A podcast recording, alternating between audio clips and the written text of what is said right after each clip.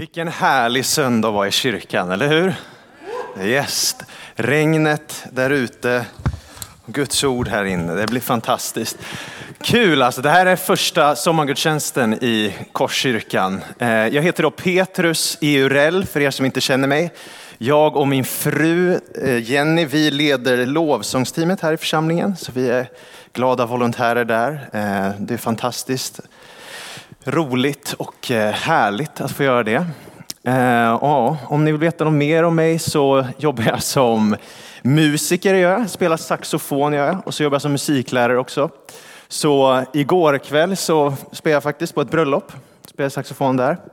Så jag var uppe till klockan två på natten och spelade. Eh, så det som håller mig uppe nu det är Jesus, det är koffein och det är passion, eller hur? Det är, så, det, man har ingen ursäkt att inte gå till kyrkan. Men äh, det här kommer bli grymt alltså. Och, parentes, om ni tycker någon gång att det är hög ljudvolym i kyrkan, då har ni inte varit på syrianska bröllop. Där, äh, eh, ja, så om jag skulle prata med någon fick jag använda väldigt hög röst. Så Eh, jag tappade rösten igår, så vi får se om den håller nu här, men det tror jag att den ska göra. Yes, alltså när jag, när jag eh, skulle predika här då, det, i församlingen nu så är vi inne i något som eh, eh vi uppmuntrar alla som vill att ha en bibelläsningsplan i Saltaren. Så vi tänker läsa 150 salmer på 60 dagar och vi börjar den här veckan. Eh, om du inte börjat än så är det inte för sent att haka på. Det finns mer info på hemsidan eller sociala medier. Sådär.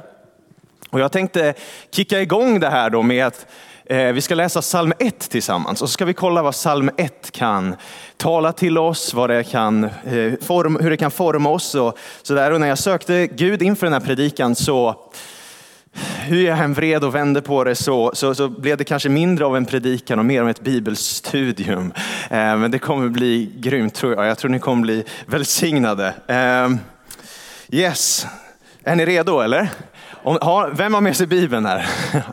Oj, det är många hungriga här. Okej, vi slår upp Bibeln då. Vi, vi kör psalm 1. Och för er som inte har med den så kommer det komma upp på skärmen också. Jag kommer läsa från folkbibeln. Jag tänker att vi läser hela psalm 1 och så kommer vi vara där ett tag. Vi kommer läsa den lite och sen då om anden faller på kanske vi går vidare till fler psalmer. Vem vet alltså? Det, ja, vi kör helt enkelt. Psalm 1, från vers 1. Salig är den som inte följer det gudlösas råd, som inte går på syndares väg och sitter bland föraktare, utan har sin glädje i Herrens undervisning och begrundar hans ord både dag och natt. Han är som ett träd planterat vid vattenbäckar, som bär sin frukt i rätt tid och vars löv inte vissnar, och allt han gör, det lyckas väl. Sådana är inte de gudlösa. De är som agnar som skingras för vinden. Därför ska inte de gudlösa bestå vid domen, inte syndare i det rättfärdigas församling. Herren känner det rättfärdigas väg, men de gudlösas väg leder till fördärvet. Amen. Visste du att Bibeln är världens mest lästa bok? Hur många visste det? Det är den mest distribuerade, mest sålda, mest lästa, eh, mest attackerade, mest hatade, mest älskade, mest kraftfulla bok som någonsin funnits. Ingen bok har haft samma inverkan på historien som Bibeln. Och Sen är det ju sagt, det är också 66 böcker i en bok sådär, men det är i alla fall världens mest sålda bok. Eh, inför det här så kollade jag upp på Guinness World Records och eh, forskning via The British and Foreign Bible Society. Och där säger de att Bibeln har sålts och distribuerats 5 till 7 miljarder gånger. Det är ganska många gånger. Och varje år trycks det biblar i en takt på 80 miljoner per år. Och Bibeln är också överlägset den mest översatta boken någonsin. 3589 språk har delar av Bibeln översatt. 3589. Alltså ingen bok kommer i närheten. Det närmsta du kommer det är den franska boken Lille prinsen. Den har 380 språk eh, översatt. Så alltså, det är ganska stor skillnad. Och ändå är det så att en miljard människor på jorden har inte hela Bibeln översatt till sitt språk. Så att vi har tillgång till Bibeln så här på svenska, det är något vi inte bara kan ta för givet. Alltså majoriteten av världens befolkning i historien har inte kunnat äga en, en personlig bibel. Så, här, så det är en enorm förmån att vi kan göra det. Men Bibeln är inte bara en så här record-breaking bok bland andra böcker. Utan vi, jag tror också av hela mitt hjärta och vet att det är Guds ord. Att det är Guds ord förmedlat genom människor som har makt att förvandla. Så när man tror på Jesus, jag har sett den makten när man tror på Jesus och, och sen på hans ord, då blir man förvandlad människa. Man blir en ny människa. Liksom.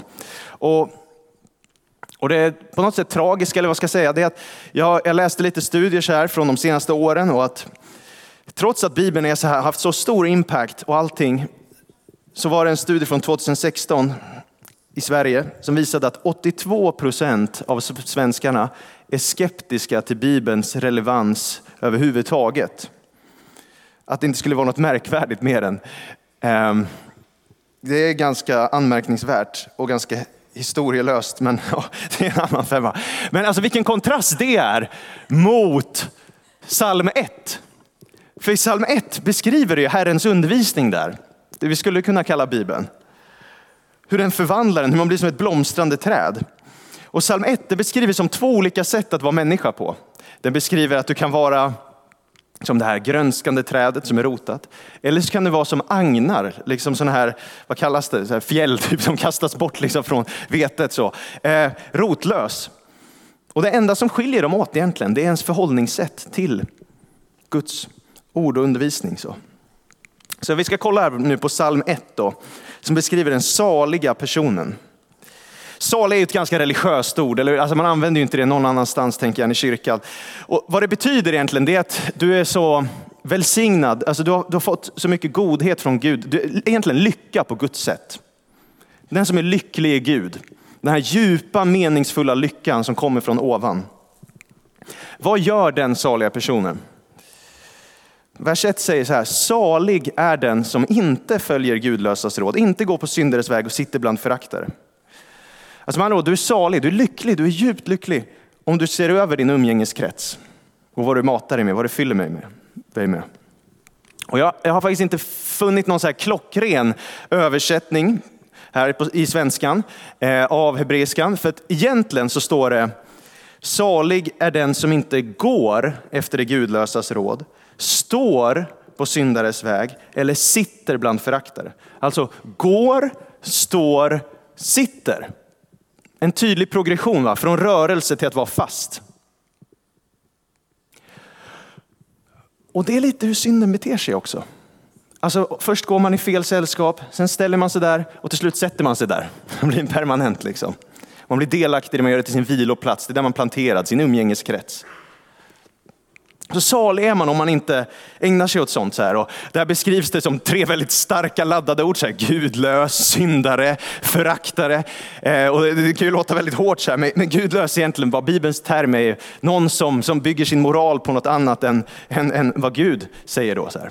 Och syndare, synd är en bågskytteterm i Bibeln som pratar om att missa målet. Så här.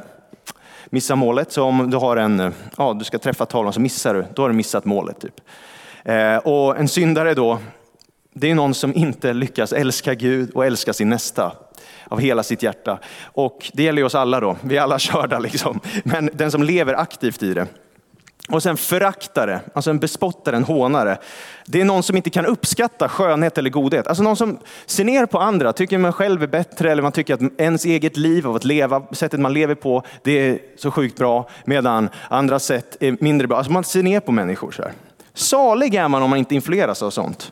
Alltså lyckligare, djupt lycklig är du om du inte gör det, utan istället gör du det här i vers 2. Du har din glädje i Herrens undervisning och du begrundar hans ord dag och natt. Och då när jag, när jag läser det här så funderar jag så här, hmm, varför står det inte varför står det inte salig är den som inte går, inte står, inte sitter bland alla de här, utan istället kanske går på de gudfruktigas råd, sitter bland de rättfärdiga, eller förstår ni vad jag menar? Varför står det, varför står det inte så? Utan istället står det, han har sin glädje i Herrens undervisning.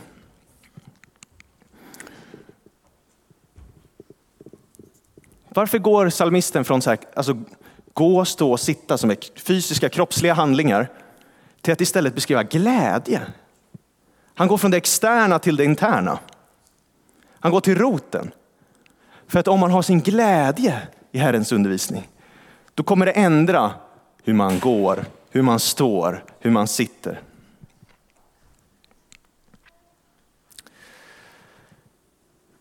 Så det här handlar inte bara om att göra saker annorlunda, utan det är att man har funnit glädjen i något annat. Alltså du har din tillfredsställelse, du har din, liksom, din djupaste lycka i något annat.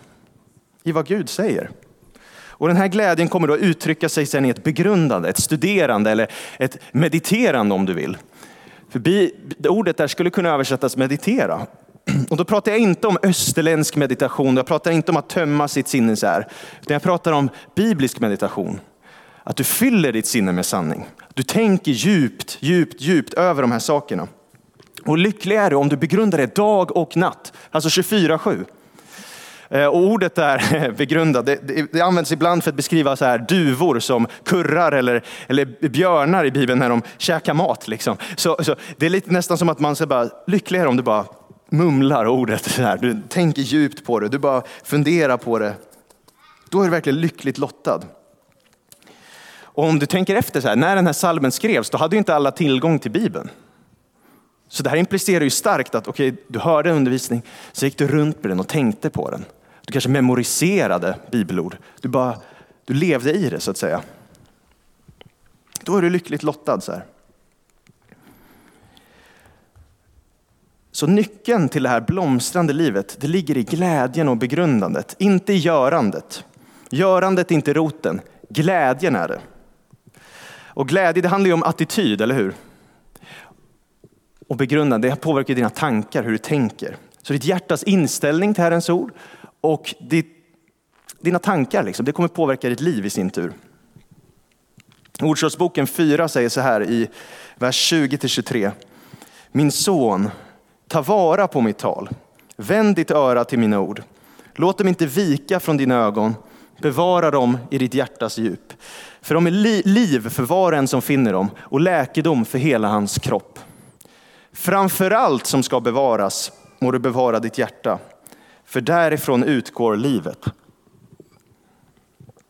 Så vi ska bevara ordet i hjärtat och från hjärtat utgår livet. Och I Bibeln beskrivs ofta hjärtat som att det är där du har tankar, alltså ditt djupa innersta där du tänker. Eller hur? Alltså det här verkligen på innersta. Och där, om vi ska bevara det mer än något annat, då vill vi att de tankarna ska vara präglade av Guds tankar, att vi ska begrunda ordet. Så vi ska fylla oss aktivt med gudomliga tankar så vi kan leva ett gudomligt liv.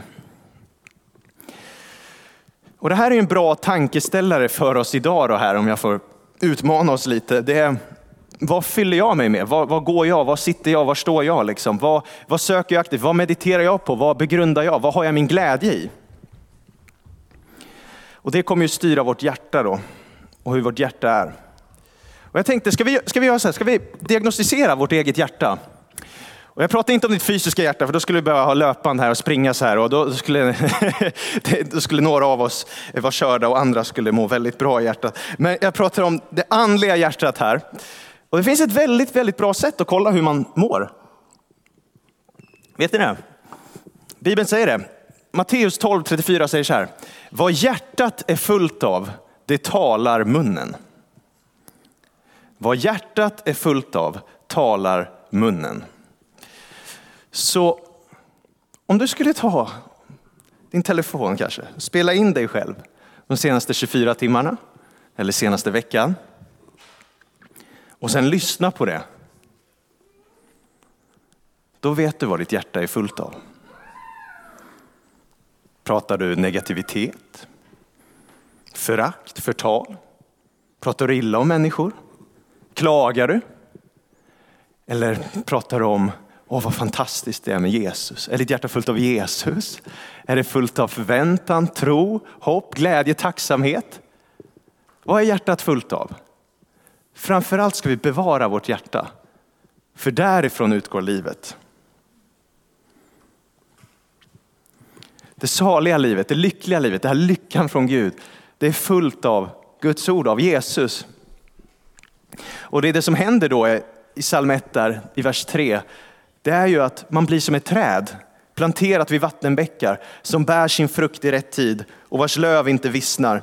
Och allt han gör, det lyckas väl. Alltså vilket löfte! Du kan få leva det här blomstrande livet. Du är planterad vid vattenbäckar. Du är liksom vid den här källan som aldrig sinar, som aldrig tar slut. Istället för, till kontrast då, de som var planterade eller satt vid föraktares bord. Att du väljer att plantera dig där, mata dig med det istället. Och för er som har läst Bibeln eller någon bekanta med sig Bibelns världsbild, så att läsa om de här blomstrande träd och sånt, det ska få oss direkt att tänka på Edens trädgård, den här första trädgården i Bibeln som porträtterar paradiset. Som är mötesplatsen mellan himmel och jord, alltså himmelriket på jorden. Så det Bibeln säger här är att om du, lever, om du glädjen i Herrens undervisning, om du har glädje i det och lever i det, då kan du leva i himmelriket på jorden. Du kan vara en manifestation av himmelriket här och nu. Du kan uppleva det här och nu. Guds rike här och nu, liksom, i Guds ord. Då. Det betyder inte att omständigheterna blir perfekta, inte alls. Men du kan uppleva Guds rikes liksom, kraft i ditt liv. För sådana är inte de gudlösa, säger det här, vers 4 och framåt. Psalm 1. Sådana är inte de gudlösa, de är som agnar som skingras för vinden. Därför ska inte de gudlösa bestå vid domen, inte syndare i rättfärdigas församling. Herren känner det rättfärdigas väg, men det gudlösas väg leder till fördärvet. Så ett sätt att leva är att vara ett fast träd. Det andra är att vara som agnar. Alltså antingen har du rot eller så är du rotlös. Blomstrande eller bortblåst. För vinden är oundviklig. Vinden i livet är oundvikligt. Stormar kommer komma. Du är utlovad stormar i ditt liv. Det kommer bli kaos i livet, så är det bara. Men då kan man antingen stå stadigt som ett stabilt träd och ha rötter som håller genom livets stormar. Eller inte. Och det som avgör är vad har du din djupaste innersta glädje i? Om du har din djupaste innersta glädje i dina relationer, din ekonomi, din eh, hälsa. Så här. Du är inte garanterad att det ska funka alla gånger där. Rätt vad det är så får du ett cancerbesked. Rätt vad det är så går en relation sönder. Rätt vad det är så har du inga pengar på kontot. Då skakar livet. Men om du är rotad, om du är rotad, då kommer du inte blåsa bort. Då kommer glädjen finnas kvar för att du lever för någonting större, för evigheten, för du vet att det Gud talat är sant. Och Jesus pratar också om det här i Matteus evangeliet kapitel 7, vers 24 till 27. Då säger han så här. Den som hör mina ord och handlar efter dem, han liknar en förståndig man som byggde sitt hus på klippan. Regnet öste ner, störtfloden kom och vindarna blåste och kastade sig mot huset. Men det föll inte eftersom det var grundat på klippan. Men den som hör dessa mina ord och inte handlar efter dem, han liknar en dåre som byggde sitt hus på sanden. Regnet öste ner, störtfloden kom, vindarna blåste och slog mot huset och det föll samman och dess fall var stort. Stormen är garanterad i livet. Det kommer komma stormar i ditt liv. Du kanske går igenom en storm just nu, eller har gjort det, eller kommer göra det. Det är garanterat. Och den storm du går igenom nu är inte den sista heller. Men hur har du byggt ditt liv då? Kommer du stå stabilt? Eller kommer allt raseras sönder? Vad har du den djupaste glädje och tillfredsställelse i? Liksom? Så psalm 1 säger där att om du har din glädje i hans ord, begrunda det dag och natt. 24-7. Låter det forma din tänkande och din världsbild. Då kommer du vara lycklig. Du kommer vara djupt lycklig, lycklig i Gud, saligheten. Och allt du gör kommer lyckas väl. För allt kommer samverka till det bästa i slutändan. Kanske inte ser så fantastiskt ut i stunden, men i slutändan, i evighetsperspektivet, kommer du ha djup framgång då. Men nu står jag här och bara pratar om Bibeln och Bibeln i sig själv är inte någon magisk liksom så här garant, utan det jag kommer, skulle vilja att vi gör nu här, om ni pallar det, ska vi börja göra lite bibelstudier, bibelnörda lite. Vi gör det, vi gör det, vi gör det. Eh, och ska vi kolla här hur det här, psalm 1 pratar om egentligen leder oss till att vi måste tro på Jesus också för att få uppleva det här. Det räcker inte bara med ordet. För det stod ju där, salig är den som begrundar hans ord dag och natt. Meditera på, reflektera djupt över. Så jag tänker vi ska göra så nu. Låt oss bli lite bibelnördiga. Låt oss verkligen begrunda och tänka djupt över den här salmen nu. Ska vi se vad den kan lära oss. Okej? Okay? Okej? Okay? Vi kör, vi kör. Det första man ser här, om, om, man, om ni, har, ni som har fysiska biblar här, men eh, kanske i mobilen också ser man det. Det är att generellt när man läser Saltaren så här, då vers 1 brukar vara en överskrift, en psalm av David, eller en eh, psalm av Koras söner, eller för körledaren och så vidare. Men i få tillfällen så finns det ingen sån där överskrift. Psalm 1 och psalm 2 är exempel på det.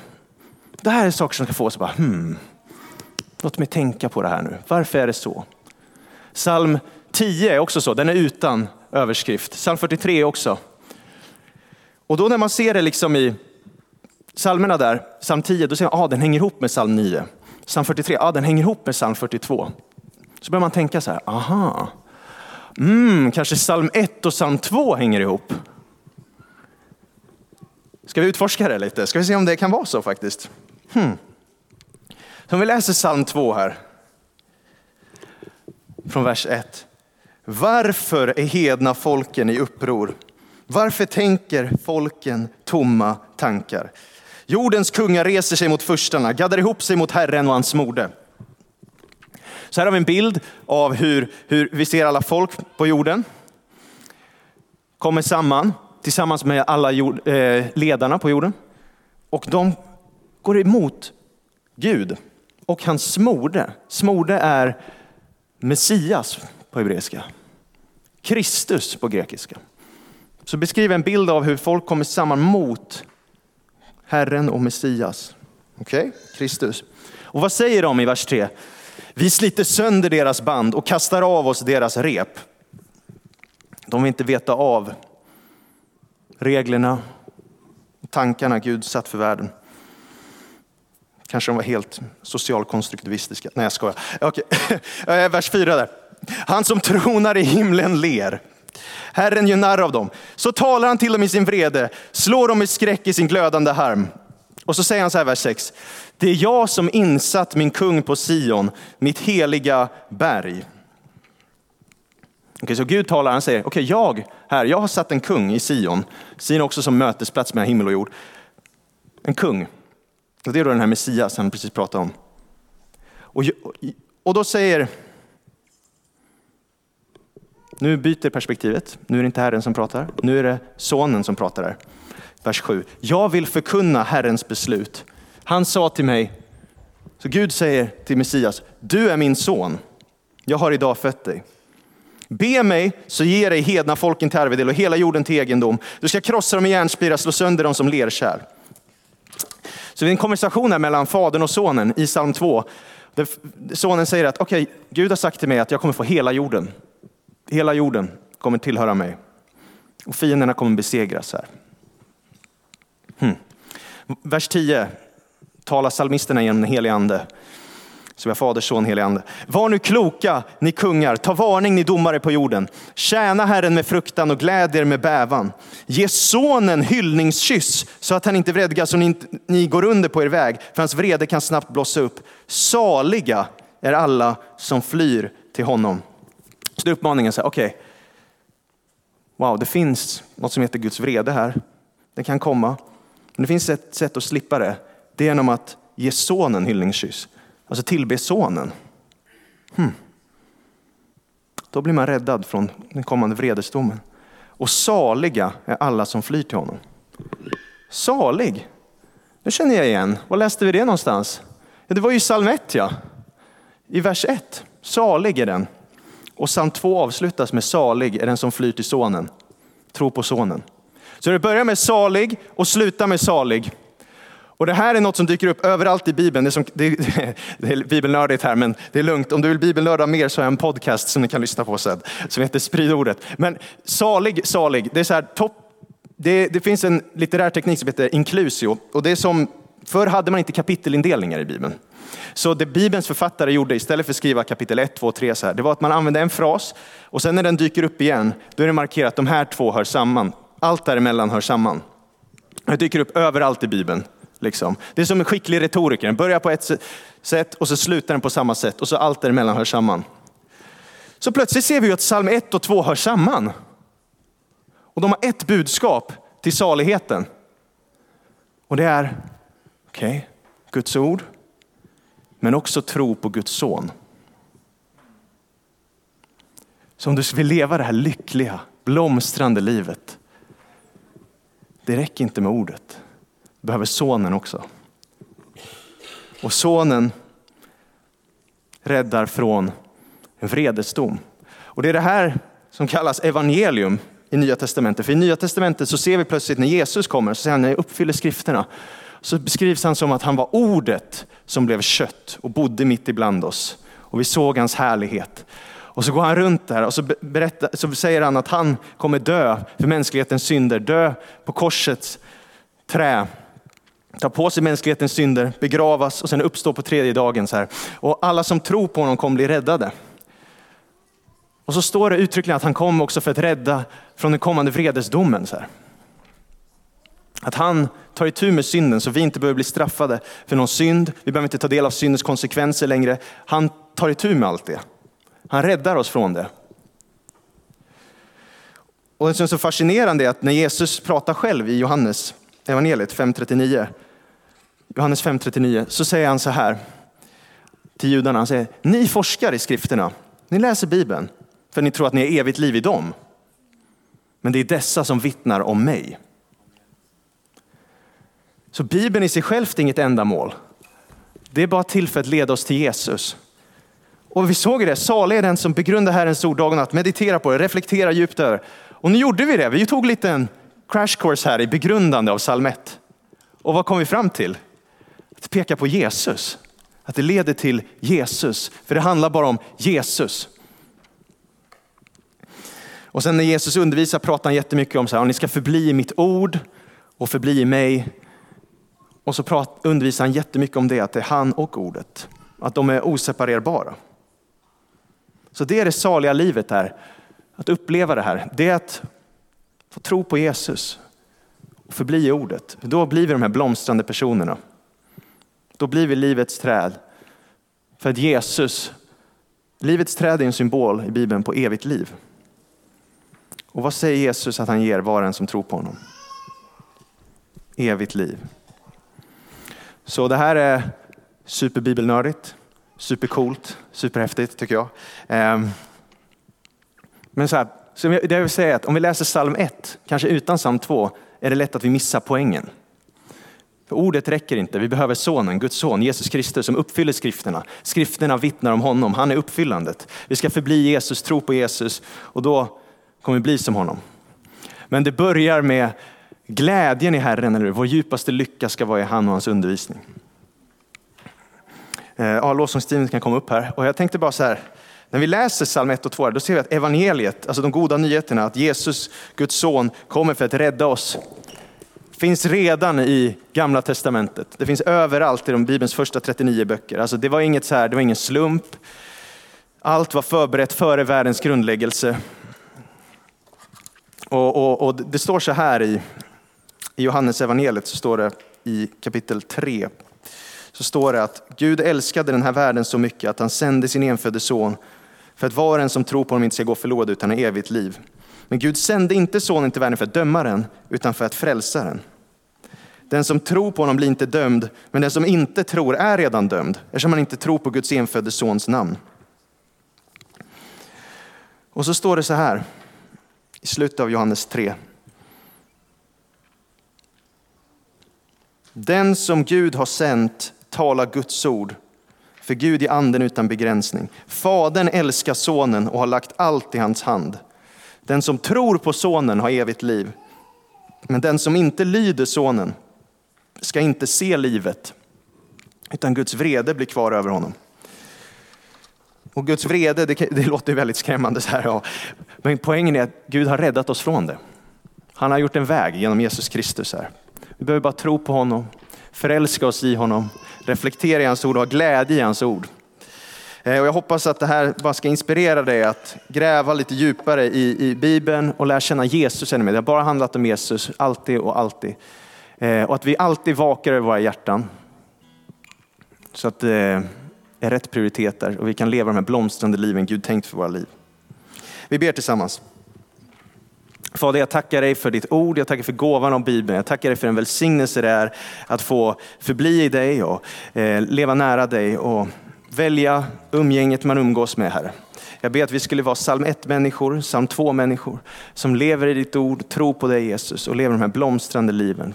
Jag ber Gud att vi skulle eh, få en sommar här nu där vi verkligen prioriterar dig och söker dig, här. Och få uppleva den här välsignelsen. Att vi inte skulle vara rotlösa utan rotade. Vi skulle vara i dig, Herre. Vi skulle begrunda ditt ord, vi skulle vara fasta bergfasta och inte bortblåsta här. Tack för det Gud. Välsigna oss här nu. vi söker dig och tillber dig Jesus. Tack för det. Jag ber att eh, jag ber för alla som ska läsa Salteren här i sommar. Jag ber att du skulle bara tala till var och en, att du skulle verka mäktigt genom ditt ord Herre. Tackar dig för det och be om din nåd över våra liv. Tack för det Jesus. Amen.